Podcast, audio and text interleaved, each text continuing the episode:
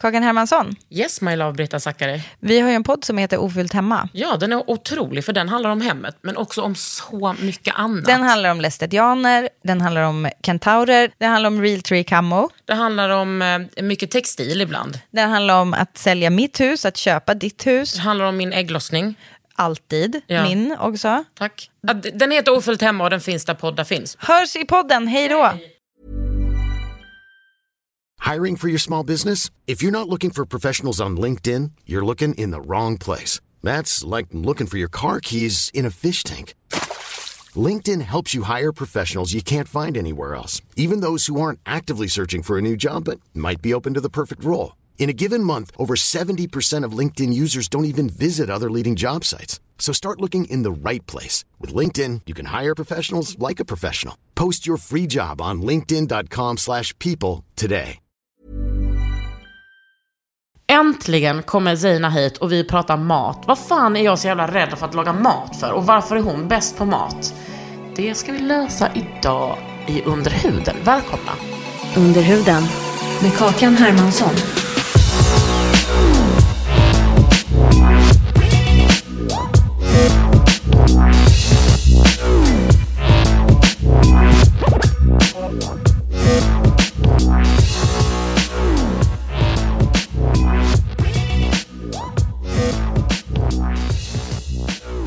Zeina, och vet vad jag tänker? Du är, du är den mest upptagna gästen som jag någonsin har haft i min podd. Var man än kollar så är du. Eh, Ja, eh, idag har jag sprungit alltså, så, på riktigt som en virvelvind. Ja, nej, nej, nej, i helgen. Nej, men då var det brunch. Ja, det ska brunchas, det är viktigt. Nej, men liksom var, hur har du, har du liksom fem stycken nannies? Eller har du en man? Har man. Nej, men jag, för mig är det jätteviktigt för jag jobbar ihjäl mig. Alltså att också njuta, ta mig tiden. Till och med så här, jag är sjukt stressad men jag ska gå på den brunchen med människor jag tycker är roliga. Så att jag tar mig tiden också, annars skulle det vara...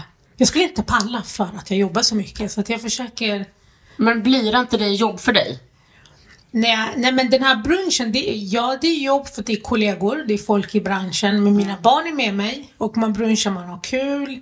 Så att egentligen, de här sociala sammanhangen, jag är jättesocial, jag älskar att umgås med folk. Eh, de, är, de är jätteviktiga för Jag mig. vet, det, det ger energi. Extremt, speciellt när Som man... jag med. Ja men speciellt när man träffar så folk, lite grann som är så positiva, glada, jobba med det man själv gör. Man kan liksom så fatta, man, kan, man har mycket att prata om, man, man har mycket att utbyta. Jag umgicks då, alltså nu på brunchen, det var andra Farhad var med mig och jag, älskar henne. jag älskar ju henne. Så att så här, till och med när jag är så här, har för mycket, jag bara nej, jag måste, jag måste ut och käka med henne. Hon ger mig så Jag älskar att mycket. ni är kompisar också. Ja men det är så här, tanka, tanka energi så att man pallar. Ja, men jag tänker också... Okej, det vita perspektivet. Nej, men jag tänker också att nu, till skillnad från för tio år sedan, så är det massa liksom icke-vita människor som är i den här mediebranschen. Jag tänker att det är ännu viktigare för er att liksom bonda och hitta typ sammanhang. Ja, alltså när jag började komma in i den här branschen, det var ju, jag var ju alltid, alltså jag kände det lite så här elefanten i rummet. Alltså fanns ju ingen som såg ut som mig överhuvudtaget. Jag gick ofta på så här, men ändå roliga, eh, typ så här bokförlaget har så här bokfest. Men då var det, alltså jag var ensam överallt i det så som jag, som jag ser ut, kvinna med slöja, invandrarbakgrund. Inte för att det är någonting, liksom, jag trivs jättebra att umgås med svenskar. Det är inte att det behöver vara en viss nationalitet, det ska vara liksom en skön människa. Men, Men det är ändå skönt att träffa folk som, ja men när vi pratar, när vi sitter så här och pratar om hur det är i jobbet.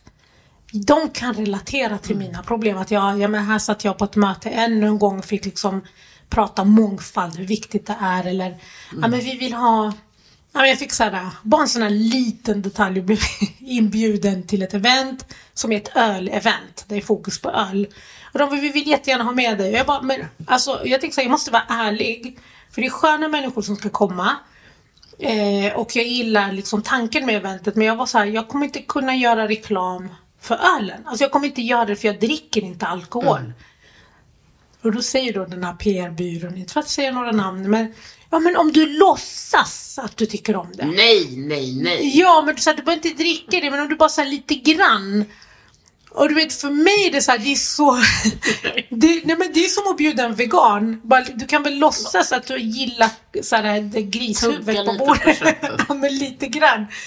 Och det kanske är så här bagatellgrej för den, det PB som de inte, jag vet inte, de är inte inlästa, de har inte koll. Fast vet du vad? Det är ändå så 2021. Man vet ju att ja, vissa muslimer dricker inte alkohol. Nej. Alltså visst, och sen gör vi, andra muslimer gör ju det. Ja, men precis. Som med oss kristna. Alltså, Ja. det är väl liksom, men Ja men då kan jag, när jag liksom nämner den här grejen så kan de här vännerna förstå hur liksom, ja men jag skulle spela i en film och jag skulle vara en persisk kvinna och så då man har ett, umgås med någon som är inom filmbranschen och vilken så stereotypisk bild de förväntar sig henne att spela och hon bara men gud vi är inte alls så bara för att ni tror att det är så. så det är ganska skönt att känna sig, jag är inte ensam i det här att hela tiden få kämpa lite grann mot de här förutfattade meningar det finns om mig. Ja men också att hela tiden behöva vara så hålla ihop då och vara tacksam för att jag har, en karriär och jag ska inte vara otrevlig och Ja men så var jag i början. Extremt så här, väldigt, och jag är det. Det ligger lite, det är en kulturgrej hos mig.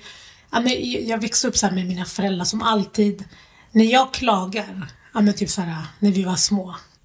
Och jag bara, men ja det här jobbet. Och så skulle alltid min mamma och pappa berätta hur de har haft det när vi var små. Vi fick gå igenom eld för att komma till skolan och vi ramlade i en sjö. Alltså så Oh jättedramatiskt. Exakt som mina föräldrar. Fast de är från Trollhättan och Vänersborg. Ja men det är så de målade upp sitt Ja. liv. De bara, du ska vara så tacksam. När jag var 14 så hade jag sju jobb. Så att man har lärt sig genom min kultur att man ska vara sjukt tacksam. Min mamma var fattig. Hon Mm. fick sälja majskorn på gatorna i Libanon. Är, dina, är du född här eller är du... Nej, jag är född i Sierra Leone i Västafrika. Ah. Men jag kommer ursprungligen från Libanon. Mina, Varför är föräldrar, du född där? eh, mina föräldrar flydde från krig i Libanon. Och många libaneser hamnade just i Västafrika på 70-talet, slutet av 70-talet. Så då föddes jag i Sierra Leone och eh, vi hade ett ganska, vad jag minns, grejen är att jag är halvdement. Jag minns bara de bästa delarna i mitt liv. Så jag minns bara många saker. Jag vet inte vad det är för fel på mig men många saker som min mamma eller min syster berättar. Kommer du ihåg det här från vår barndom? Sen traumatiskt. Jag minns inte. Du bara nej. Nej men jag minns inte, jag minns bara så här, jag minns i alla fall att vi hade ett sjukt bra liv men enligt min syrra då bara minns du det här, det här? Jag bara nej. vi Hon är äldre. Hon är äldre än mig. Men är inte det också överlevnadsstrategi? Ja, jag vet Att inte. liksom inte palla... Men hur gammal var du när du kom till Sverige? Fyra och ett halvt. Till Malmö? Ehm, nej, vi, kom, vi flyttade runt extremt mycket. För att vi kom till Sverige från Sierra Leone för det blev också oroligt där. Mina föräldrar var tvungna att fly igen och lämna allting. Vi kommer till Sverige men vi får inte stanna kvar. Ehm, vi hamnar först i Tyskland för att vi blir insmugglade till landet. Sen till Sverige. Och när vi väl kommer till Sverige till ett flyktingförläggning så säger de nej men ni får inte vara kvar. Så de skickar oss tillbaka till Libanon. Nej. Eh, de vill att vi ska åka tillbaka. Nej, så här var det min historia. Vi är födda i Sierra Leone. Vi kommer från Sierra Leone direkt till Sverige. Men vi blir utvisade. Sen åker vi till Tyskland att bo där lite illegalt. För att vi kan inte åka tillbaka till Libanon. Sen så ansöker vi på nytt. Vi åker från Tyskland till Sverige igen och sen får vi stanna kvar. Och då är jag runt fem år. Och har liksom varit med om så mycket saker som en vanlig person är med om i typ sitt liv. ja, som, ja, som femåring. Ja. ja, få ja, lämna allt. Ja, men mina föräldrar var väldigt traumatiserade för att ha flytt liksom två gånger. Man märkte det. De har flytt och lämnat allting. Så kommer de till Sverige och liksom ska försöka ännu en gång börja om livet på nytt. Eh, Men de var ganska så här, duktiga och snabba att komma in i samhället. Det, var en det är en helt annan tid då. Alltså komma in i Sverige som flykting på 80-talet. Man är välkommen, det är helt andra förutsättningar, det är helt annan så här typ av jobb. Så Men det är fabrik- riktigt Palmemode alltså. Ja men alltså precis, det är så här fabrikjobb. Min mamma kunde börja jobba på Göteborgs Kex, min pappa kunde börja jobba på Volvo. Så det var så här, man kunde få jobb, man kunde komma in i samhället.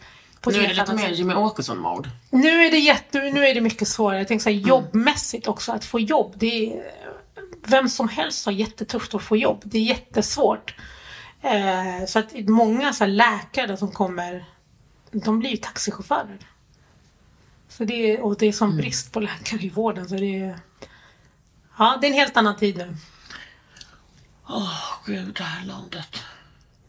Ja, fy fan, det här förfallet av landet. Ja, skit i det nu. Får jag fråga, har du starka matminnen från den tiden när du var liten? Ja, alltså enormt. De bästa minnen, alltså mina starkaste minnen, minnen i allting, det är matrelaterat. Eh, jag, älskar, jag säger liksom så här, ja men från Sierra Leone. Jag minns frukterna jättemycket. Det barnen får nu, så här klämmisar. Du vet, så här, man har lite så här klämpåse med fruktpuré. Det fick vi av en, så här, en färsk mango. Min mamma liksom, det, kunde plocka en färsk mango, mosa den, göra en liten öppning upp till och så bara klämde man ut så här. Nej, du driver, man mosade den i skalet liksom? Ja, ja, i skalet och det, mangon där, alltså den här stenhårda mangon. Nej. Och, säga, nej, den, och den smakar ju något helt annorlunda. Mm. Vi hade sockerrör som växte på vår tomt. Det ser ut som så bambu. Ja. Och så skär man dem, skalar dem och så tuggar du på ett sockerrör. Det är som du äter godis. Alltså godare, alltså smaken är helt amazing och så pressar man färska sockerrör. Helt otroligt. Så att jo, men jag har mycket matminnen från... Eh, men hade ni liksom um, libanesisk mattradition i Sierra Leone? Eller? Um, ja, mina föräldrar var väldigt snabba att ta till det västafrikanska köket eh, som så jollof rice och domoda. Eh, för det var också de råvarorna till de här rätterna som var tillgängliga, lätta att jobba med. Men eh, jo, men både libanesiskt och västafrikanskt, men mycket, mycket västafrikansk mat åt mm.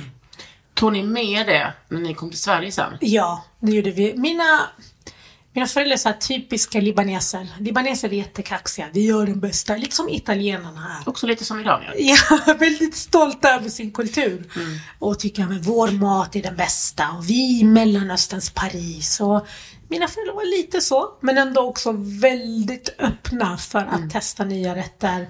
Nya smaker. De tog med det västafrikanska direkt. Men var också väldigt, min mamma var så jättesnabb att köpa den rutiga kokboken och bakade kanelbullar. Så att hon var liksom ändå väldigt nyfiken.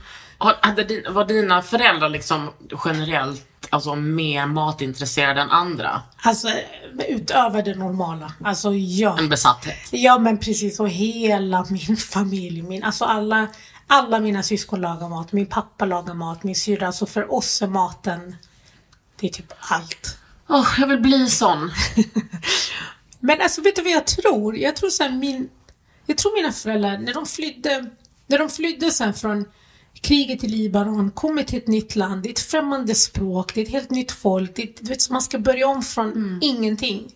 Det som alltid var tryggt för dem, oavsett hur livet var, hur ekonomin mm. var, det var maten. Det var det som alltid var ett säkert kort. Mm. Alltså oavsett om världen går under nu, vi kan ändå få mat på bordet och bra mat. Mm. När vi kom till Sverige Alltså jag kunde vara så fascinerad av att min mamma klagade över ekonomin men ändå såg till att det fanns mat.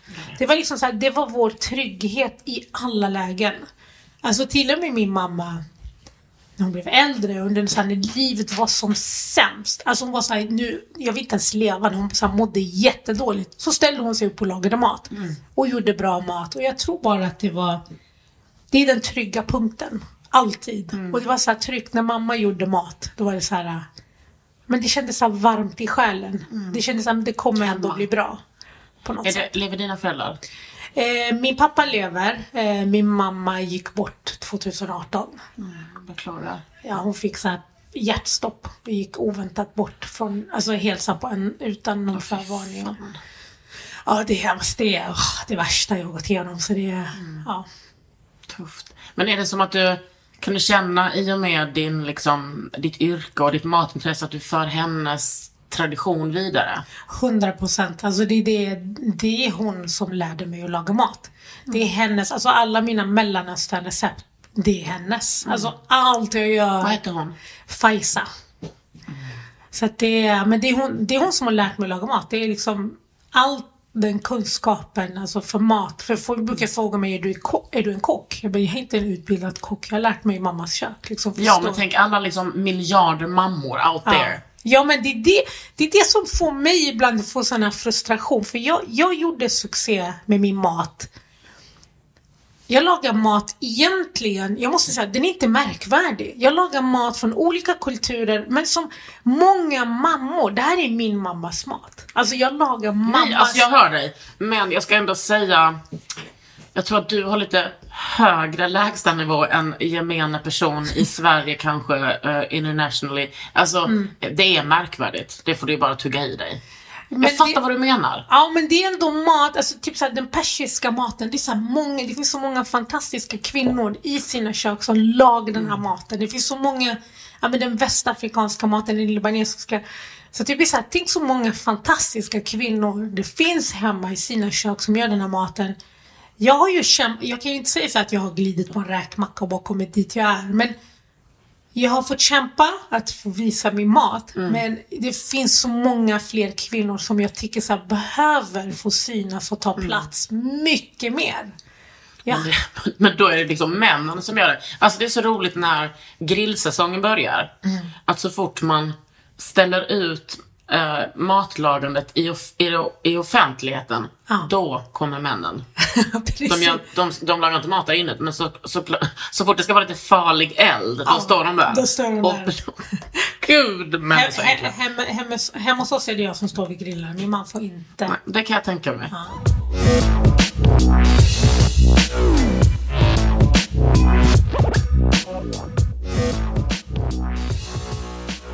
Hur började det med liksom maten och offentligheten för dig? Eh, ja, eh, göra en lång historia kort. Det, det började egentligen av en matbild på Facebook. Det är bara så jag kan kortfatta. När Mat- var det? det 2014. Det är så här, jag var en tid i mitt liv när jag på riktigt kände, vad fan gör jag med mitt liv? Vad gjorde du med ditt liv då? Jag hade återupptagit mina gymnasiestudier. Jag hoppade av skolan i gymnasiet. Ah. För att jag fick ett fast jobb med bra lön. Jag bara, och jag är en sån här, jag hatar att plugga. Alltså jag är en arbetsmyra. Sätt mig i hundra jobb. Var det ett matrelaterat jobb? Nej, det var inte det. Jag jobbade på Stadium. Eh, Jag, blev avdelningsansvarig för sportavdelningen. När du var så ung? Ja, när jag var, och jag liksom så här, bra lön. Jag fick det i samband med min praktikplats. Jag bara, nej men det här vill jag göra. Så jag bara tänkte, jag kan alltid plugga. Ehm, och sen så kommer en man in på Stadium och ska köpa badshorts. Och jag hjälper honom. Ett år senare är vi gifta. Jag Du, du, nej, nu är det gå. Nu är det så mycket gås. nej men det är sant. Nu är det så mycket gås. Vänta, vänta. Du hjälpte honom in till provhytten och bara uff. Nej, men jag- nej, så där. Jag långt ser den här fucking bringan. Nej men nästan. Nej men han skulle, han var på besök från Stockholm och de skulle ner till stranden han och hans vänner. Och han säger till sina vänner, men jag har inga badshorts. Alltså jag, vi ska till stranden. Så han går in och jag hör att är, att han är en stockholmare. För det, det kom alltid in så här, men ändå lite sliskiga killar och jag sa bara nej, du vet jag var väldigt nej. Men han var, han var charmig, inte sliskig och jävligt snygg. Och jag hjälper honom. Vi går runt i butiken, han hittar sina badshorts. Och så behöver han en storlek större. Och jag bara, men jag ska... Jag ska Du bara jesan. nej men jag bara, jag lägger undan dem i den andra stadion. Och så, så, här, säger jag, om du ska till stranden så är du på vägen. Alltså om du är liksom ner på gågatan. Han bara, tack så jättemycket. Och så går han ut. Jag bara, vänta nu här. Han gick ut. Han är, jag kommer aldrig träffa den här killen. Malmö är liten, man vet vilka de är. Den, jag bara, den här killen kommer jag aldrig träffa igen. Men kände du ändå så direkt bara, Ja, ja, och han kände det. Vi, vi, det, vi, alltså hur klyschigt det än låter så var det så här, det här är kärlek vid första ögonkastet. Men han går ut från butiken och jag så här puckot står där. Jag bara, nej. Så jag ringer till den andra stadium. nej. Jag bara, det kommer komma en kille. Han ska hämta badshorts. Ni ger han mitt nummer. Och min kollega Marlena. Hon bara, nej men så här, för du vet att vi inte får göra så. Jag bara, du vet att du ska ge honom Du bara, jag ska föda hans tre barn. Exakt! Han får nummer. Det är roligt när han går till kassan och så säger, kommer hon Malena. Hon bara, du, eh, är det Jamil? Han bara, hon bara, "D- d- ja här är dina shorts och här är Seinas nummer. Han hade skrikit yes! Alltså så här, i kassan. Han ringde mig samma kväll. Vi gifte oss ett år senare och jag lämnade Stadium, jag lämnade hela Malmö och flyttade upp till Stockholm. Jag har så mycket gås.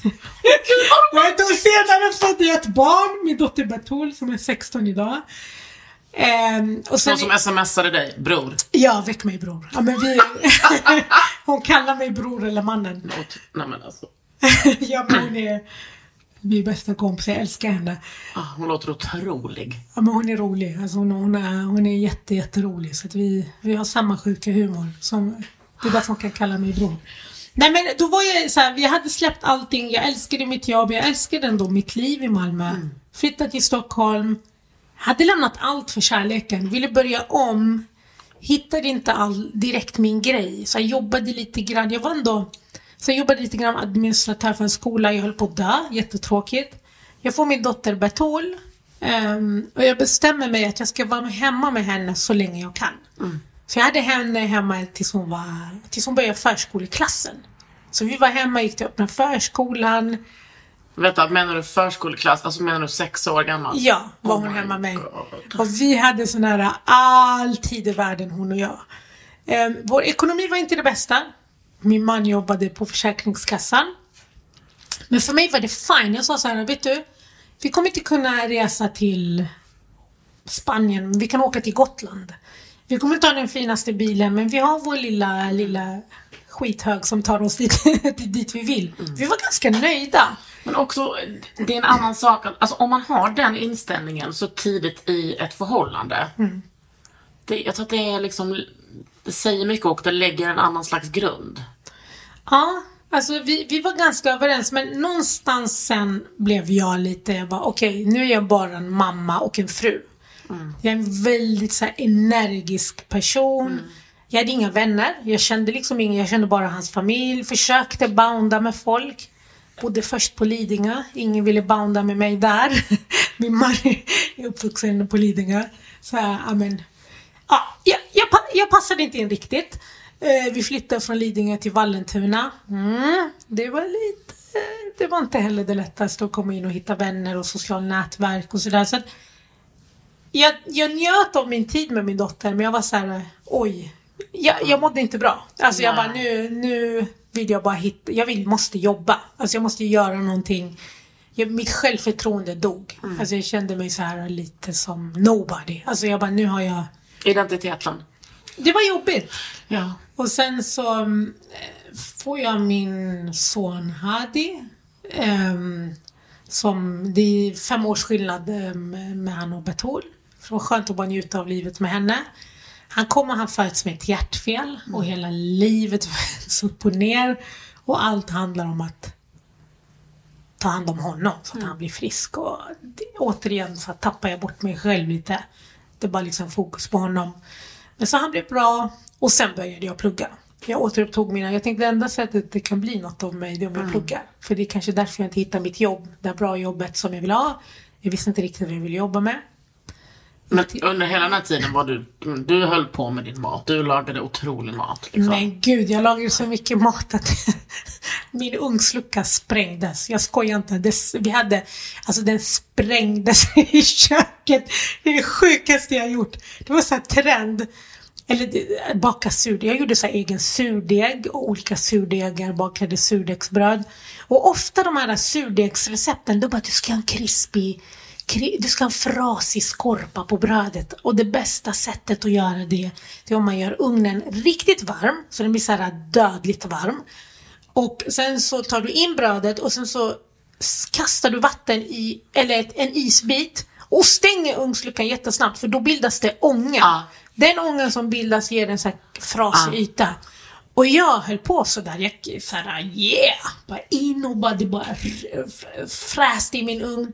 En dag så råkade jag liksom kasta det vattnet, det kom på ugnsluckan. Du tänk dig Ah, kok. ah, ah, ah. Alltså det är så varmt och iskallt vatten som ska då komma i botten av ugnen. Sprängde sig liksom i flera tusen bitar. Ja, ja, alltså det var så här, BAM! Den sprängdes. Så, så mycket lag. Gud, alltså vet du vad? Min ugnslucka Ja. hör detta från köket nu och gråter av avundsjuka. Den bara Use me! Use me! Nej men det var då min man sa och faktiskt min familj, de bara du är så sjuk, du lagar så mycket mat att du sprängde köket. Jag bara ja, det visar min Wow. passion. Så jag lagade mycket mat. Men tänkte du typ för dig själv så här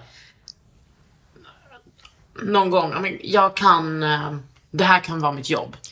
Ja, hela tiden. Jag samlade på kokböcker. Jag har över 300 stycken.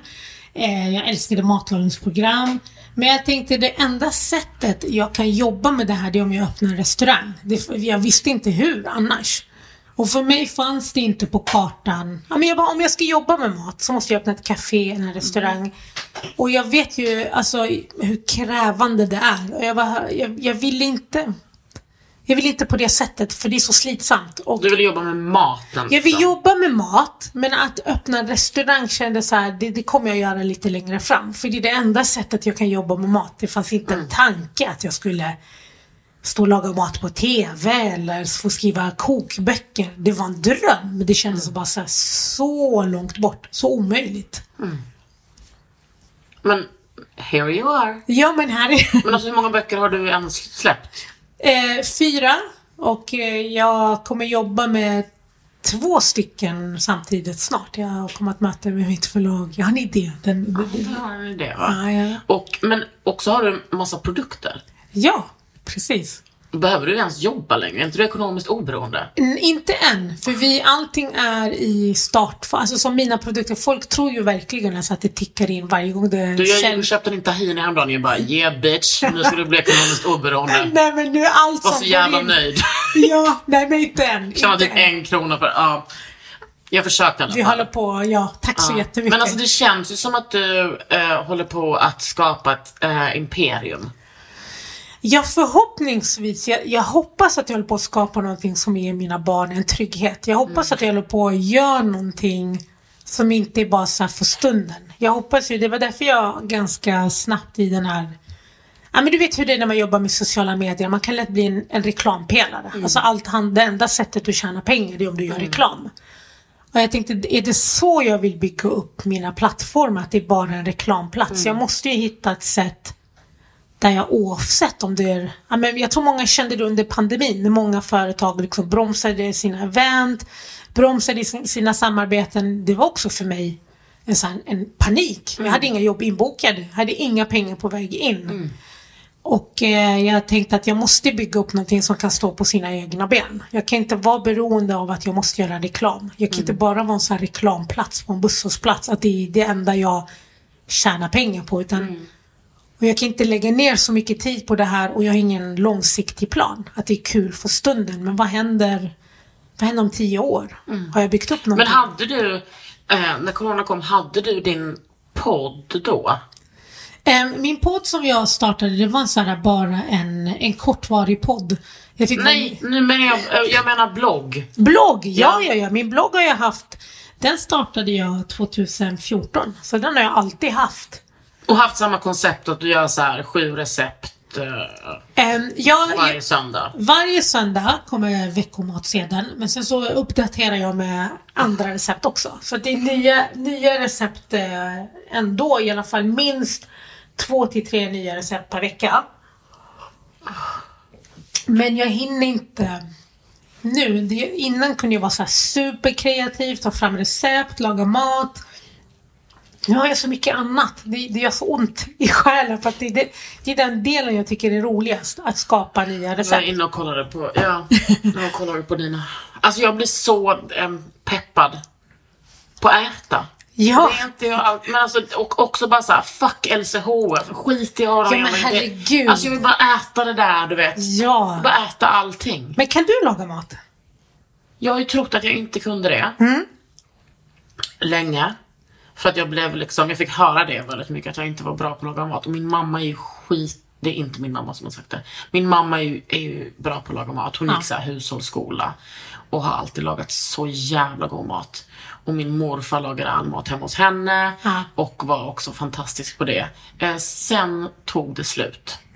Jag tror, min syrra är nog rätt bra på det, men jag har liksom... Jag, men nu när jag pratar med mina kompisar, de, mina gamla kompisar, de säger Va, du, du var ju skitbra på att laga mat när vi lärde känna varandra. Gjorde mycket så, ja, men, åt mycket veganskt, gjorde mycket såna curryrätter och ehm, alltså med currypasta. Du vet, det var mycket, jag hade mycket så gott substitut. Och då, måste, då för kanske så 10-15 år sedan var man ju tvungen att vara lite mer innovativ med det veganska. exakt. Det fanns mycket sånt roligt låtsaskött, men det var svårt att hitta.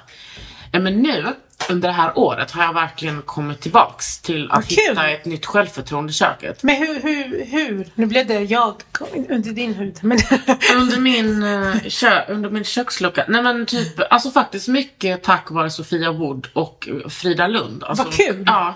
Eh, också att de har varit så nära till hand att jag har kunnat ringa Frida på Facetime. Jag bara, jag gör rätt nu. Är det för mycket salt? Och sen bara, vet du vad? Det, det var så psykiskt för mig. Bara, Du är inte dålig på att laga mat, du är skitbra. Ja. Och så bjuder mycket vänner på mat. Men jag, jag tänker, jag, jag är ganska övertygad att alla kan laga mat. Alltså, jag tror många, de flesta i alla fall kan laga mat. Och har man ett matintresse, det kan bara vara att du gillar att äta god mat. Alltså om du gillar mat så måste det finns ett, någon så här innerst inne, någonting som kan få dig att hitta till köket. Så att jag tror det är inte alla som kanske kan kasta fram en fransk eh, baguette med men så här, eh, avancerad gryta. Men jag tror alla kan eh, laga mat. Så det är kul att höra att du hittade tillbaka till köket. Ja, precis. Alltså, det är ju verkligen... Det är ju verkligen som du säger. Och att inte vara, inte vara rädd. Och alltså det var verkligen en sån, jag förstod det nu, att det var en sån extremt så här, en mental spärr för mig. Ja. Att kunna experimentera. Och min mamma har alltid varit så här. Mat, det kan du experimentera med. Mm. Absolut. Det, det kan du inte göra med bakning på Nej. samma sätt. För bakning är kemi, alltså det är det med mat med. Men Mm. Du, kan, du kan liksom testa det fram. Men jag har inte vågat det för jag har fått så himla mycket kritik. Jaha. Men nu så känns det så kul och eh, Vad kul. det har typ varit ganska bra för mig att börja med så här, lite olika pastarätter. Ja, pasta Det är som är att jag vill liksom går på, eh, att jag håller på med hemkunskap. Jag menar, det är klart att mitt mål är att kunna göra en helt perfekt taddig. Men jag kan inte det än. Inte, men okej, vet du nästa gång vi ses, på riktigt, jag har en matlagningskurs. Vi, vi, vi står och kokar ris för att det, det är en konst. Ja, det är men det. grejen när man lär Jag är så rädd sig... för att koka ris. Nej men när man lär sig, det är så här, med ris, om man lär sig tekniken, på riktigt det är som en dans. Du måste lära dig stegen. När du Mm. har lärt dig stegen så bara sitter det där så fort du har Sköljer du riset först? Ja, men om vi börjar prata hur det är så kommer hälften stänga av. Men hur man alla processer... Eh, Iranierna kommer vara kvar. De bara, nej, iranierna kommer kritisera. De bara, Ja, ursäkta. Nej, men alltså, det var så roligt. Häromdagen så åkte jag med en persisk eh, chaufför. Så typ skröt jag lite om lite persiska jag kunde. Han bara wow, du har så bra uttal. Du pratar som klassisk persiska. Jag bara tack. Sen så, så pratade vi jag skulle ut och äta. Han bara vilket kök är det? Jag bara, jag vet inte, typ franskt. Han bara, "Åh, du vet jag kom verkligen på när jag flyttade hit att Iran har det bästa köket. Jag bara, det är klart att Nej men du vet, jag testade italienskt, jag träff- testade franskt, jag träffade Nej men du vet, det var inget som var så bra. Jag bara, nej det är sant. Men det är så... Det, Ja, jag hör dig. Alltså, nej, men det är så, det är så min libanesiska, Mm. vi äter ju allt. Men det så att de bara vill. Alltså, ja det är gott men alltså vårt libanesiska kök, det är ändå det som är det bästa. Man bara, mm, du är så. ja, men det är, alltså, det finns, det är väl fint att ha den stoltheten. det man saknar måste. vi ju helt, vad ska vi säga i Sverige? Nej men jag nej man kan, alltså. Sill. Ja, Jo. det är för sig gott men... Jo men det är gott. Alltså Sverige och våra köttbullar, hallå. Men är inte det italienskt från början? Jo, men man har ändå gjort sin svenska Ja, touch med gräddsås och rårörda lingon, kokt potatis. Alltså Ska jag säga vad det är? Jag är lat. Alltså jag är så jävla lat. Och jag måste bli bättre på att inte vara lat. Jag måste avsätta några timmar. Nej men vet du vad jag, vad jag tycker är konstigt? Vi lever i en tid där vi planerar in en massa. Eh, så här, men man ska, man ska umgås med folk, man ska gå på gym kanske, jag vet inte om det gör inte jag. Men Snälla, ska, varje dag gumman. Det är det som är grejen. Jag tränar varje dag nästan. Ja, okej. Nej men man ska hinna med allt det, men det som är det, egentligen det mest självklara, du vet att du måste äta. Du vet att du kommer bli hungrig och du vet att du kommer bli irriterad när du är hungrig, men, men vi avsätter inte tiden. Jag tycker det är, så här, det är lika självklart att du ska äta mat som när du går ut från ett rum och bara släcker lampan så automatiskt. Vet du vad klockan är? Klockan är 16.04. Vet du vad jag har ätit idag? Nej. En knäckemacka. Nej men snälla. Men jag vet, det är sjukt. Men du vet också varför jag inte har ätit så mycket. Nej. Och just det, jag åt några eh, vindruvor också. Nej, vad heter det? Russin. Det är roligt att du kommer med så här, du bara kolla syriska vindruvor. Jag bara ser en så här jätteskrynklig påse. Jag bara usch jag vill inte smaka på de där. Så är det russin. Jag bara, jag bara, jag bara är det russin? Fast det är ju vindruvor som har tolkat. Jag vet, men det är också att min hjärna inte funkar. Han som jag fått dem ifrån, Ja. Denny, Ja, han är kock okej. och jobbar på en förskola. Mm. Och han gav mig i 40% Då var Evin och Adde här och Gisam och göra. Ah, alltså, kul. Han kom hit och lagade typ 12 rätter till oss. Oj. Alltså vi höll på att dö. Alltså det var så jävla sjukt. Han kom hit, stod, bara stod och lagade, lagade, lagade, lagade. Alltså, Nej, vad kul. nej men det var helt otroligt. Så, har du, du har träffat Evin och Adde? Ja, ja, ja. Alltså- det är mina bröder. Alltså, har du sett när Adde, nu pratar vi om pratar- Ardalan Ismaili. Har du sett när han har en luftkonsert? Nej, Alltså jag har skrattat, jag tror aldrig jag upplevt att jag skrattat så att det gör ont i mina käkar. nej men har du sett honom prata om mat? Ja, han är helt... Men det är så jävla gulligt för att han- han är verkligen en, en matnörd. Ja, ja, och Mm. han är, han är så jäkla rolig. Nästa gång du träffar honom, du måste säga till honom, jag vill ha se din luftkonsert. Han kan spela alla slags instrument, men inlevelse, alltså jag menar så här, alla, fast han har ingenting, han, han bara Mm. Men alltså skådisar är sjuka. Ja, ja, men han är sinnessjukt och han gör det med så mycket liv så att vi liksom, man, man bara dör. Så att han är... Ska, vänta. På tal om luftkonsert så spelas det musik. Ja. Jag ska höra om det hörs. Ja, men det är väl det egentligen, hörs. men det är väl lite Ja, mysigt. det är faktiskt mysigt ja. Jag älskar när hon spelar. Ja. Det är supermysigt. Under huden. Hey, I'm Ryan Reynolds. At Mint Mobile, we like to do the opposite of what Big Wireless does. They charge you a lot, we charge you a little. So naturally, when they announced they'd be raising their prices due to inflation, we decided to deflate our prices due to not hating you. That's right. We're cutting the price of Mint Unlimited from $30 a month to just $15 a month. Give it a try at mintmobile.com slash switch. $45 upfront for three months plus taxes and fees. Promo for new customers for limited time. Unlimited more than 40 gigabytes per month. Slows. Full terms at mintmobile.com. Hey, it's Ryan Reynolds, and I'm here with Keith, co star of my upcoming film, If, only in theaters, May 17th. Do you want to tell people the big news? All right, I'll do it. Sign up now and you'll get unlimited for $15 a month in six months of Paramount Plus Essential Plan on us. Mintmobile.com slash switch. Upfront payment of $45 equivalent to $15 per month. Unlimited over 40 gigabytes per month. Face lower speeds. Videos at 480p. Active Mint customers by 531.24 get six months of Paramount Plus Essential Plan. Auto renews after six months. Offer ends May 31st, 2024. Separate Paramount Plus registration required. Terms and conditions apply if rated PG. Du har dina böcker. De, jag har ju en av dina böcker som jag fick och då hade jag nog typ inte så stor koll på dig. Jag fick den för några, för några somrar sedan jag fyllde år. Eh, eh, av min kompis som är vegetarian. Hon bara här. Det här är eh, det här är bra för dig. Men det finns ju liksom tusen andra sätt att inspireras. Bara att följa dig på Instagram har varit så inspirerande för mig. ja, kul. Men jag är lite rädd för att koka ris om jag ska vara helt ärlig. Nej men vi, vi, får ha, vi får ha en matlagningskurs, på riktigt. Du, jag kommer hit och lär dig att laga ris. Och eh, vi gör med tadik. Den här med krispig yta. För att egentligen så här, när man lagar det fluffiga riset och med tadik, det är samma tillagningssätt men så, så måste man lägga någonting i botten. Så att, och jag tror så att du kommer...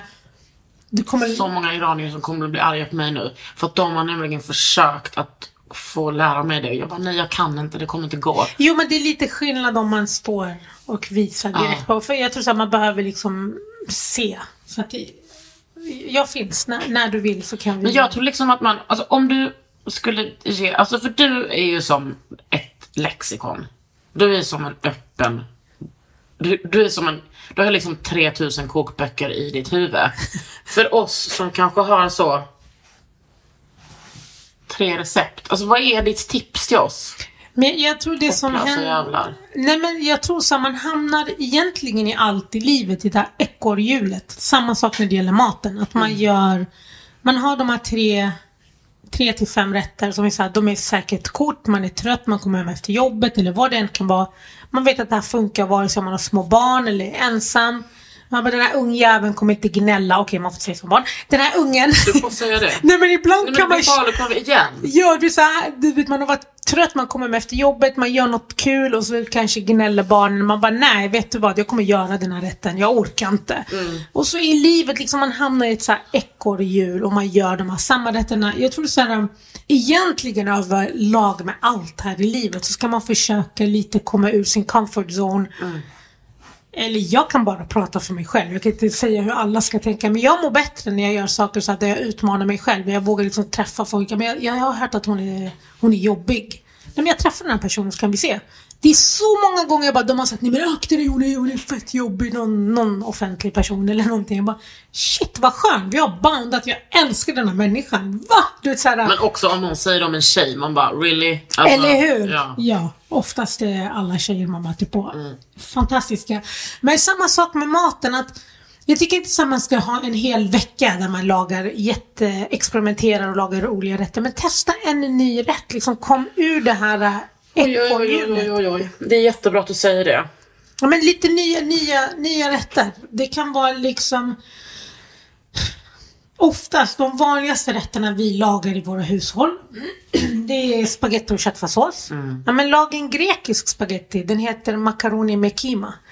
Testa och gör den, den grekiska köttfärssåsen. De har kanel i köttfärssåsen, de har rödvin, lagerblad, sjukt mycket oregano. Liksom pimpa upp din köttfärssås. Vi älskar tacos i våra hem.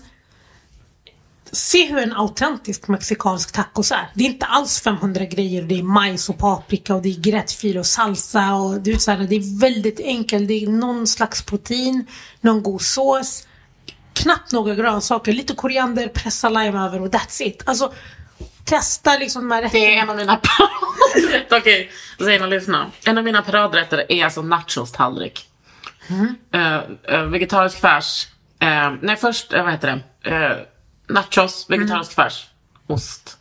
Och så Ja. in i ugnen. Ja men vadå, det är ju sjukt Nej men gott. alla älskar det. Ja. Alltså vuxna låtsas som att de tycker att det är lite för äckligt. Nej, men de sitter gott. där och bara slafsar i sig. Alltså vi älskar tacos i Sverige men vi misshandlar den också, den autentiska Mm. tacos. Men där, där har du hållit det lite så autentiskt. Alltså Tack. utan att lägga på hundra grejer. Ja, men det, jag, jag, jag behöver liksom bara ta ut pluggen eller vad det heter. Ja, alltså in, in i köket, håll det simpelt. Gör enkelt. Jag, tycker, jag älskar att höra att du gör pasta för där kan man verkligen vari, variera i det oändliga. Mm. Och italienarna är mästare att med få grejer trolla fram en måltid. Mm. De har ju typ en sån här pastarätt, alltså jag älskar att fräsa persilja, vitlök och Ah. chili. I mycket olivolja, vänd ner spaghetti, riv på massa parmesan, servera och då har den här sjukaste heter den? måltid. Alio. Um, aglio, olio, okej. Ungefär så. Ja, någonting. Min italienska Ja, inte... den är god. Men vad, vad liksom, vilka libanesiska traditioner typ jobbar du in mest hemma i ditt kök? Ehm, jag tycker så här hela mellanösterns kök, det är en röd tråd. Sen har varje land sin matkultur som de liksom gör på sitt sätt. Exempelvis i, i Libanon är så mycket bas i många grytor i vitlök och koriander. Man älskar det, man fräser vitlök och koriander. I Man börjar med det liksom. Ja, det är liksom basen i många grytor. Och sen har det ofta, många gånger tomatbaserat. Kollar du i Irak så jobbar man inte alls med koriander på samma sätt och tycker inte om det. I Iran jobbar man överlag med örter. De har typ såhär khorme sapsi som är en gryta med Åh, galet mycket örter. De har såhär omelett som är jättemycket örter. Um, alltså, så kollar du på det turkiska köket, det är mycket grönsaker, mycket aubergine och sivri, den här långa eh, chiliaktiga paprika. Så att det finns ändå en röd tråd med smakerna men alla har sitt sätt. Så att jag tycker hela Mellanösterns kök, ja men vi, vi får in det jättemycket i vår matkultur. Eller i vårt hem. Mina barn, de kan gå och sukta efter en sån här riktig libanesisk gryta. Eller, så, eller med en riktig så här, ja men bamja, en okragryta. Med okra i tomatsås, sjukt Alltså mycket. okra är den där eh, grönsaken, ja du hör ju. Ja, nej men den är, den är lite så här. äh, Jag måste googla den. Ja men okra, det, hur ska man förklara? Den är, det är en väldigt speciell grönsak. Den, den är lite så här. äh, Okra bror. Okra.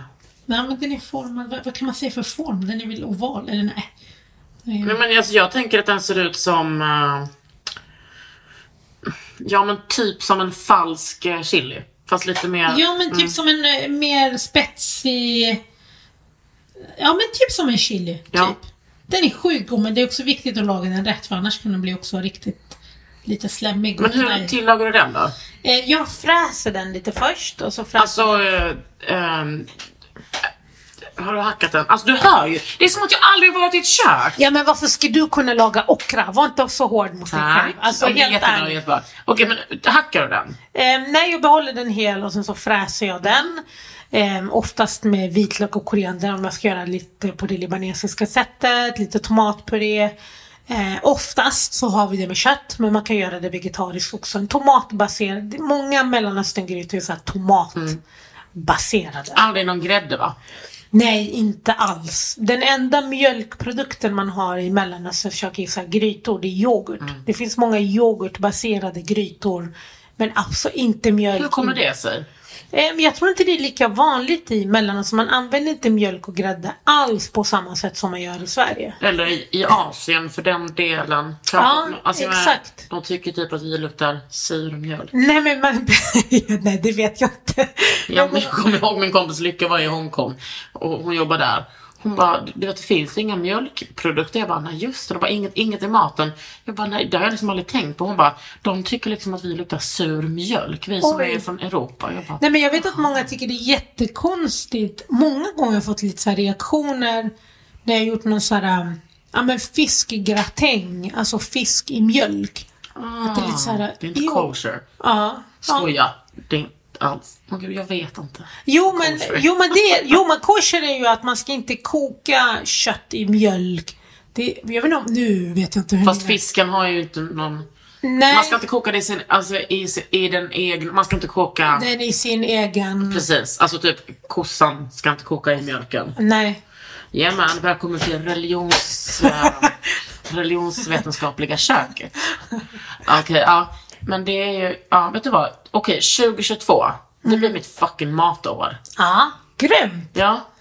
Du, Gud. nu har du verkligen inspirerat mig till att våga. Du har så jävla bra inställning och så bara, äh, kör! Ja men jag tycker det. Jag, jag, det värsta jag vet är så här pekpinnar. Mm. Eh, Vi, din granne spelar så här lite, alltså så mysigt. Tycker du det är jobbigt eller? Nej. Nej, det är skönt. Nej men jag har samma inställning vid matbordet när vi äter hemma. Ehm, när, när jag träffar min man, jag är så uppvuxen i ett hem där maten, alltså stunden vid matbordet var njutning, alltid. Inga pekpinnar utan mer bara så här, njut, ät. Min man hade liksom en väldigt sträng pappa som tyckte att man skulle äta allt på tallriken. Till och med om man inte tyckte det var gott så skulle man äta det. Så många barn växer upp i en sån, men du måste äta upp din mat, du måste äta det, men jag tycker inte det är gott. Jo men du måste, du den här Ja, vi måste. hade med oss det från skolan också. Jag vet inte hur det är i andra länder, men alltså i Sverige har ju många... Alltså vi var ju tvungna att sitta kvar tills vi hade ätit, även om man du vet, klöktes upp det nästan, att man Mm. blev tvingad. Ja men tvingad och många så här, du kan, många vuxna om du frågar dem så här, gillar du gröt? Nej. Om du liksom fördjupar dig i varför? Nej men jag var tvingad att äta det i förskolan eller av min dagmamma. Alltså jättemånga av den här tvången vid matbordet. Så att jag har en helt annan matfilosofi. Speciellt när det kommer till barnen. Om man har friska barn Alltså som inte har problem med maten, inte svälter sig själv. Låt ungen, ja, men jag är mätt efter två tuggor. Ja men okej, det är bra. Min man kunde ju få så panik. Va? Du måste äta allt på tallriken. Jag bara, varför måste han? Han är mätt. Hon orkar inte, eller så här, jag tycker inte det här är gott. Och sen efter två timmar, om, om barnet vill ha en frukt eller vill ha en macka, alltså då får man väl ta det. Jo men alltså så här, men det sänkte garden väldigt mycket. Det fick mina barn i alla fall. Det funkar för mig. Jag kan inte säga att det funkar för alla. Men Nej. att man behöver inte, man får vara mätt. Man behöver inte äta allt på tallriken. Man behöver inte tycka allt är gott. Eh, man, vi måste, jag tycker det är viktigt att man tackar för maten. Man har bordsskick. Eh, Hur bra det funkar med tre kids, det är inte alltid. Nej men det där är, det är så där, jag är piskad med det. Alltså min mamma kan vara, det här drar jag också ofta som ett exempel, att min mamma fortfarande, nu var det några år sedan, men att hon kan vara så här. om jag har varit borta på middag, hemma hos någon, tackade du för maten? Jag bara, jo alltså jag är Men det är så viktigt. 36 eller vad jag var då. Jo, jag kan, ja. Jo men det tycker jag, tack för maten. Alltså, bara vara så här tacksam för maten. Ja, men också som att jag är piskad till att tacka för maten. Det är klart jag har tackat för maten. Ja. Ja, och bara egentligen så här, tacka för maten och vara tacksam för maten. Hur, Ja, ja men så vi har ju bett bordsbön ganska mycket hemma hos mig. Eh, och tackat för maten på det sättet. Speciellt har mina föräldrar gjort det när mina kompisar varit hemma för att hetsa dem. Alltså för att hetsa mig lite. Gör man det? Finns det någon sån muslimsk tradition att tacka för maten? Jo, hundra procent. Det finns någonting som eh, innan, alltså att säga alhamdulillah, tack gud. Eh, och det är liksom att man tackar för maten. Eh, Alltså alltid- vid mat... Vid matbordet, ja ja. Det, det, det säger vi också efter varje måltid. Tack gode gud för maten. Så avundsjuk på islam. Det finns så mycket roliga grejer där som har försvunnit eller som vi inte har i kristendomen. Ja. Fast det finns också jättemycket fina... Det finns också mycket likheter. Ja, jag tycker. Jag tycker egentligen likheterna är mycket större än olikheterna. Jag tycker Ja, här, absolut. Alltså, ja, och hela den liksom monoteistiska, den Ja. är så stark liksom. Jag tycker det är jätteintressant när man har suttit och pratat. För det är sällan man träffar, tycker jag, troende inom kristendomen längre. Det är väldigt få gånger det händer. Och när man träffar och så tycker jag det är så intressant. Och när man hör liksom tankarna. Det är inte alls en stor skillnad. Nej, det, jag har mycket lättare att identifiera mig med alltså muslimer Ja. än andra kristna. Det är svårt att hitta andra kristna. Är det för att du Så. växte upp i så ett kristet hem med mycket, alltså där det var mycket saker att förhålla sig till? Nej, alltså mina föräldrar är världens mest chillade människor. Gud vad skönt. Ja, ja, ja. Ni, alltså de är, de är kristna. De var protestanter som blev katoliker. Mamma blev katolik när jag var 12 och pappa när jag var 22. Nej, nej, nej. Alltså de är så chilla. Du vet, går i Pride. Eller har gått i Pride. Alltså de är... Min gudfar är bög. Alltså det finns inget... eh, Nej. De är väldigt odömande men Ja. väldigt så att man ska vara en god kristen. Det betyder att man ska vara solidarisk liksom. Ja. Ehm, och ehm, ja, jag och min pappa har haft många vända andra kinden till diskussioner. För jag tycker inte alltid man ska göra det. Nej. Då kommer vi ingen vart. Nej, exakt. Men det är, min pappa är teolog också. Okej. Min mamma är undersköterska. Så vi har haft det liksom, eller de är pensionärer. Men det är, jag tycker att den här vardagliga ton som jag har eh, eh, hittar jag lättare i muslimer. Att man är så, ah, jag är troende. Det är, det är inte så konstigt med det. Nej. Nej, men det här med vända andra kinden till. Alltså jag önskar, just nu är jag i en fas i mitt liv där känns jag bara bråkar. Alltså, Ja, ja, ja. jag, alltså du Men vet, du kanske måste det? jag är så trött. Alltså jag önskar på riktigt, det är så många gånger jag bara nej. Jag kom, jag kom faktiskt från ett möte precis där jag satt på det här mötet och bara bråkade. Alltså och det känns så synd att säga det men det är så här, om vissa så bagatellgrejer hur jag ofta måste sitta och ta upp saker. Du vet såhär, nej Jag men. hör dig. Ja, du vet, som kvinna i den här branschen oftast väldigt såhär, ja men i, du vet, utåt är det of, jättemycket kvinnor men de så här lite högre möten så är det ofta män som ska liksom så här bygga upp en bild om hur det är det att de se vill ha någon, någonting, i- alltså de har en bild av dig som de vill ha ut? Ja, precis. I så här, vissa kampanjer eller vissa så här, där jag bara, men så, jag, jag beter mig inte på det sättet bara för att jag har slöja. Du vet, så här, Nej, åh gud, de har liksom redan bestämt hur du ska vara. Ja, jättemånga gånger så att jag bara, åh, det så här, nej men det här stämmer inte, så här är det inte, så här kan det inte vara. Eh, det jag liksom ofta får prata mig med hela. Så Den senaste tiden har jag känt mig som en bitter tant. Alltså jag är så trött på Fattar det? För tidigare var jag mer såhär, men jag accepterar det här, det är ändå okej. Jag ska vara tacksam för att jag fått den här möjligheten. Nej, du ska inte vara tacksam. Vi ska vara tacksamma för att du finns och vi kan få ta del av dig. Ja, så Du är jag, liksom ett klick bort för alla oss. Det är ju stort alltså. ja. ja nej, men nu senaste tiden har det varit mycket sånt. Jag, jag, jag vill orkar inte bråka på möten. Så, nej, men så här är det inte, så här funkar det inte. Fast man har ju sådana perioder. Ehm, jag är ju självklart inte i samma position som du i och med att jag är vit. Men jag har också ehm, bråkat mig igenom hela min karriär. Ja, hela lite- skolgången. Alltså snälla. Nej men det, det är många som vill jobba med mångfald nu. Alltså jag har så här mer jobbförfrågningar än någonsin. Alltså extremt många som vill jobba med mångfald och lyfta fram. Men att det ska vara liksom, det ska se lite annorlunda ut i reklamkampanjer. Det behöver inte alltid vara liksom en viss stereotypisk typ som syns på reklamkampanjer. Så att företag har fått så här, ja, men mer så här vaknat upp. Och nu måste vi jobba med mångfald. Nu, Ja men Sina kan lika bra fronta eh, framsidan av en tidning, du vet, än att vi vill göra ett jättestort reportage om henne men vi vågar inte ha henne på framsidan. För att, ja men oj, det är för riskigt, vet, vi kommer, kommer synas fyra sidor. Ja, men jag gjorde ett jättestort reportage med DN. Där de var såhär, du ska vara på framsidan. Det var såhär, åh vad skönt, är första gången en tidning gör ett helt reportage om mig och vågar ha mig på omslaget. Du vet, men det, det är så ofta, du bara, vi gör en intervju. Men inte våga lägga mig för det är lite, så här, det är lite läskigt. Så, Vad är, precis, vad, vad kan hända? Om du är på omslaget. Ja men då, man vågar inte men man vill fortfarande jobba med en. Så att, men nu, är det, nu har det blivit så att många företag tänker till och vill jobba med mångfald men har inte den kunskapen som... Ja men de har inte...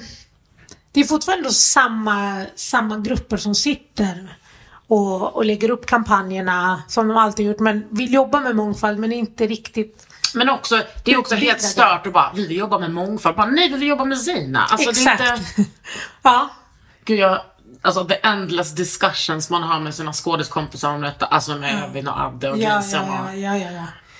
Ja, nej men eh, jag vet. Det är, det är en ständig kamp. Det, det, är det. Men jag tycker det börjar bli bättre. Jag, jag tycker ändå att jag ser en förändring faktiskt. Jag tycker så här. Eh, när jag var på TV första gången 2015, livesändning Nyhetsmorgon. Tittarna var, var genuint chockade. Alltså det var en chock att jag stod i TV och lagade mat med min slöja mat från Mellanöstern. Jag lagade så här husmanskost från Mellanöstern. Alltså tittarna var...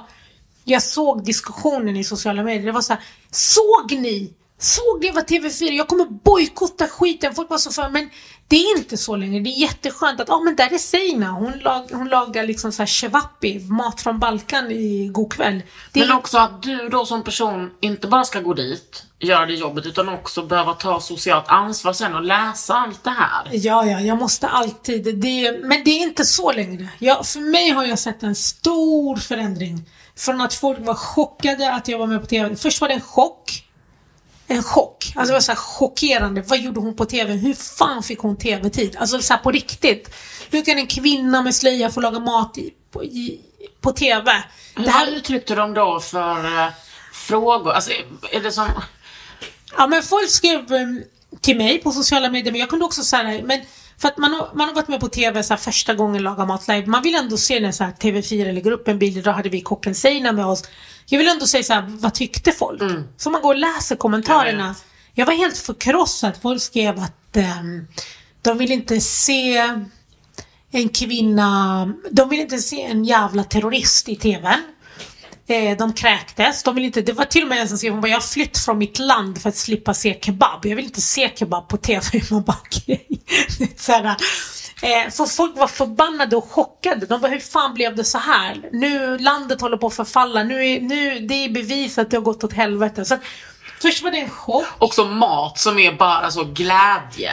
Och vill, alltså jag som ändå också så presenterar maten utan, inte på ett jobbigt sätt. Utan Nej, men- En terrorist också. Ja men folk var arga. Folk Mm. var jättearga. Sen så gick chocken alltså till ilska. Eh, Men sen efter ett tag så var det så här, okej fan, hon är tillbaka. Mm. Hon gör ändå bra mat. Det är så jag upplever. Jag ser en förändring. Jag tycker jag är så Men då jätte- måste du göra, då måste du vara ännu bättre på att laga mat än de där vita. Alltså jag vet inte men jag, jag när jag ska laga mat så här live när jag varit med på Nyhetsmorgon, de bara du behöver laga tre rätter. Jag bara nej men jag ska laga sju. Och jag ska ta med mig, de sa du bör gärna att du köper in lite råvaror så att det ser lite så här, jag köper in typ så här så att jag, jag gör alltid jag, jag, jag, jag, telling you. Ja, jag måste alltid prestera lite mer, känner jag. Och Mm. eh, jag har inte råd att göra misstag. Nej. Ja, hör du bitter jag är? Man hör bitterheten det i är mig. också så här sjukt. Vem har sagt till dig att du är bitter för att du, för att du berättar om din verklighet? Nej, jag vet, jag vet. Jag Sluta hamnar- säga att du är bitter. Och om Ja. du är bitter, vad? Det spelar väl ingen roll? Eller hur? Ja. Ja, vadå, använd din bitterhet som fuel, eller var bara bitter. Ja, nej, men det, Fan vad jag- bitter jag- om du vill. jag, jag var, de senaste månaderna har jag bara varit såhär, nej nu är jag trött. Ja. Alltså jag vill bara få laga min mat och... eh, Men det, jag ska inte... Nu kom det här, men jag är ändå jäkligt tacksam för det går sjukt bra. Ja. Men utåt ser det så här fantastiskt ut, men bakom det är så mycket Mm. kamper hela tiden som man bara såhär... Åh, måste om, jag ta om den det här var, fighten? Precis, om det var 2015 att folk ville kräkas. Mm. Alltså, sex år senare, det, lös, det går inte så snabbt. Nej. Och vi, eh, menar, vi är inte naiva nog. Vi är inte naiva som, vi tror inte det heller. Därför är det ju viktigt att du berättar om din bitterhet också. Ja. ja. Det är som att man tror att eh, det är underbart för hbtq-personer i Sverige. Det är inte det. Nej, verkligen Sverige är ett jävla fittrasistiskt och homofobiskt land. Ja, och jag använder fitta så. Och då kan ni klaga på TV4 hotmail.com om ni tyckte att det var jobbigt. ja. vad, vad, vad, du ska släppa två böcker. Ehm, ja, ja, kanske. Nej men eh, vi, jag ska ju... Jag- Du kan inte ens berätta någonting Nej, allt. Det, jag har, vet du vad jag det med vår bransch? Allting är så här. Ja, jag har något roligt på gång. Man bara, ha? Så säger aldrig jag. Jag säger alltid vad det är typ. Ja men det, är- det, Ja. det är därför jag så här väntar tills allt är ute. Men jag, jag, ska, jag, ska jobba med, jag ska jobba med två böcker eh, samtidigt. Så vi får se hur det går. Och sen så ska jag fortsätta ta fram nya produkter. Eh, det är fantastiskt kul. Så man, Ja. man sitter och spånar och kommer fram med nya idéer. Och, eh, och så ser man liksom från en idé till en färdig produkt på hyllan. Otroligt svårt att ta fram matprodukter. Ja, det är helt galet. Alltså när vi skulle ta fram vår hummus, det var så här. Oh my god. Alltså det var sån liksom. Du ska först hitta en, en, ett ställe som går med på att ta fram ditt recept. För det finns många fabriker som de bara, vi gör hummus, men vi kan lägga ditt ansikte på förpackningen. Man bara, nej, nej, nej, nej. Den där hummusen, det är liksom... Vet det, du vem jag är säger du? Nej men hela mitt rykte hänger på den. Du vet, så här, jag har snackat om hummus att den ska vara perfekt. Och så lanserar jag en grynig hummus. Den ska Ja. vara sammetslen. Den ska Med vara tahini va? Ja, ja, ja, med tahini och allting. Eh, så att, att hitta någon fabrik och oftast kan man hitta en fabrik som är grym. Men de är såhär, ja men era förpackningar fungerar inte. Vet, Det är inte så att du bygger en fabrik på en helg som kan producera. Du måste hitta liksom, allt ska vara perfekt. Och sen när du har tagit fram produkten, du har gjort en sån här kick-ass produkt. Ja. ICA ska vilja ha den. De kan säga såhär, nej. Vi vill inte ha din Vi vill inte ha det här. Men för vi kräks när vi säger muslimsk kvinna. nej men så är det Nej inte. men, men, det kan ju också på riktigt vara så att det sitter en jävla liksom Nej men, det, där. nej men det har jag inte. Det, Nej, det, inte. jag, jag, jag har upplevt, alltså på riktigt, där har jag upplevt så här. Det kan vara så här, nej men vi har redan det här. Eller vi har inte plats på vår hylla. Mm. Alltså det kan hända. Du kan lägga ner din själ på en Jag produkt. bara, mm.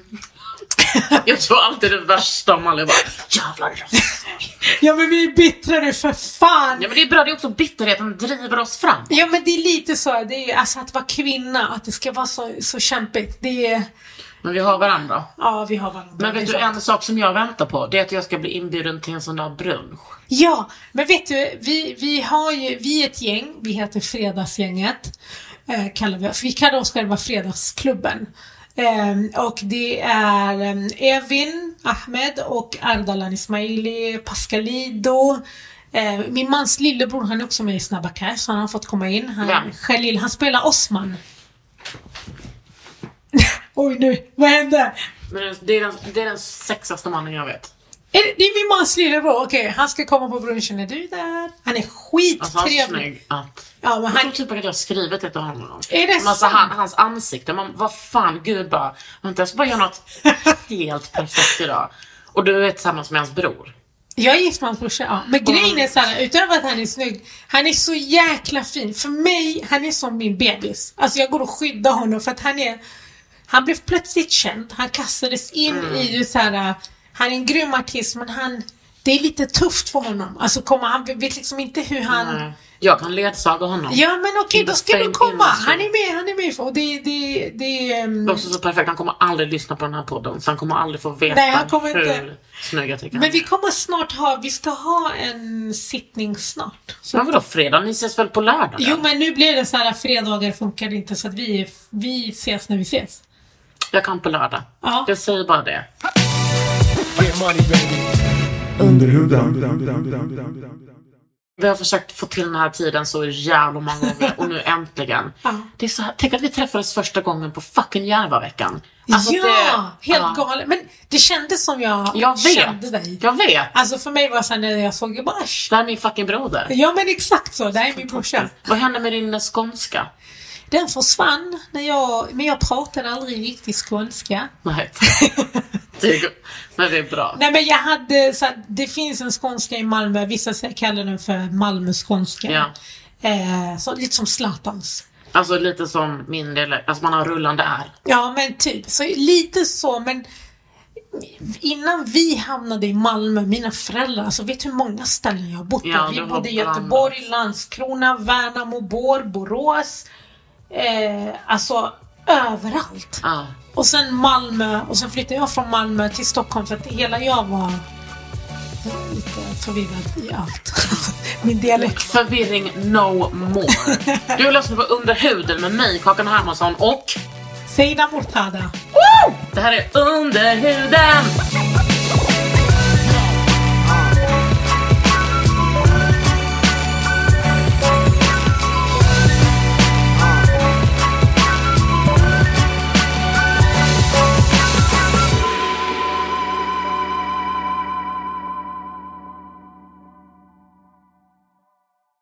En podd från Allermedia. Planning for your next trip? Elevate your travel style with Quince. Quince has all the jet setting essentials you'll want for your next getaway, like European linen, premium luggage options, buttery soft Italian leather bags, and so much more. And is all priced at 50 to 80% less than similar brands. Plus, Quince only works with factories that use safe and ethical manufacturing practices. Pack your bags with high-quality essentials you'll be wearing for vacations to come with Quince. Go to quince.com slash pack for free shipping and 365-day returns. Hold up. What was that? Boring. No flavor. That was as bad as those leftovers you ate all week. Kiki Palmer here, and it's time to say hello to something fresh and guilt-free. Hello Fresh. Jazz up dinner with pecan-crusted chicken or garlic butter shrimp scampi. Now that's music to my mouth. Hello Fresh. Let's get this dinner party started. Discover all the delicious possibilities at hellofresh.com.